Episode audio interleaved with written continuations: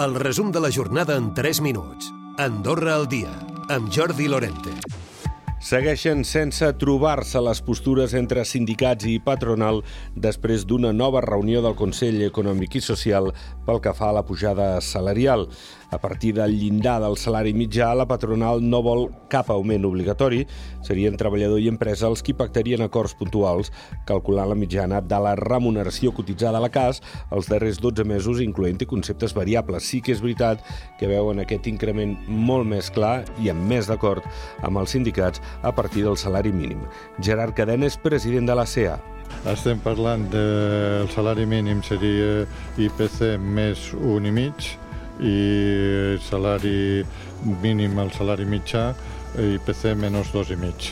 Els sindicats rebutgen aquesta proposta de la CEA. En parla el secretari general de l'USDA, Gabriel Bach.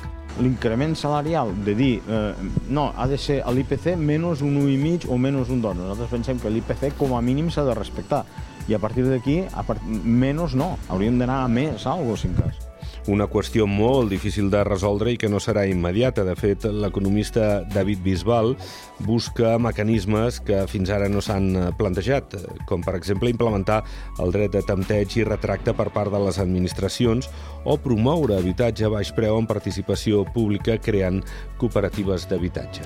I de quines són les avantatges de la vivenda protegida? Que es crea un parc immobiliari protegit en el qual el que viu no té la possibilitat de vendre'l, el que viu no té la possibilitat d'especular-hi i el que viu, si algun dia el volgués llogar, l'ha de llogar a un preu competitiu perquè pugui vindre una altra família i, i pugui viure a, amb un preu subvencionat.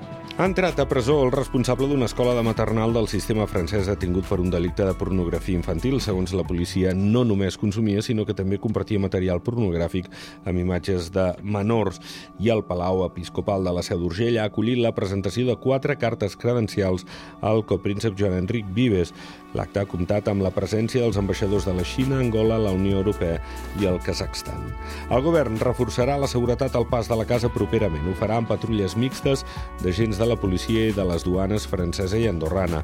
És una acció que resulta del grup de treball creat per decisió del cap de govern i el prefecte d'Occitània per coordinar accions concretes en la lluita contra el contraband i guanyar rapidesa i coordinació en la detecció de malalties potencialment greus, com ara un càncer, és l'objectiu del SAS amb un nou projecte.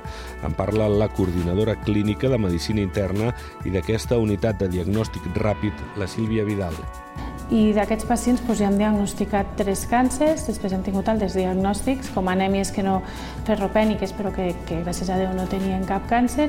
Eh, hem diagnosticat també una parotiditis, que és una cosa que no ens esperem eh, diagnosticar aquí, una insuficiència cardíaca.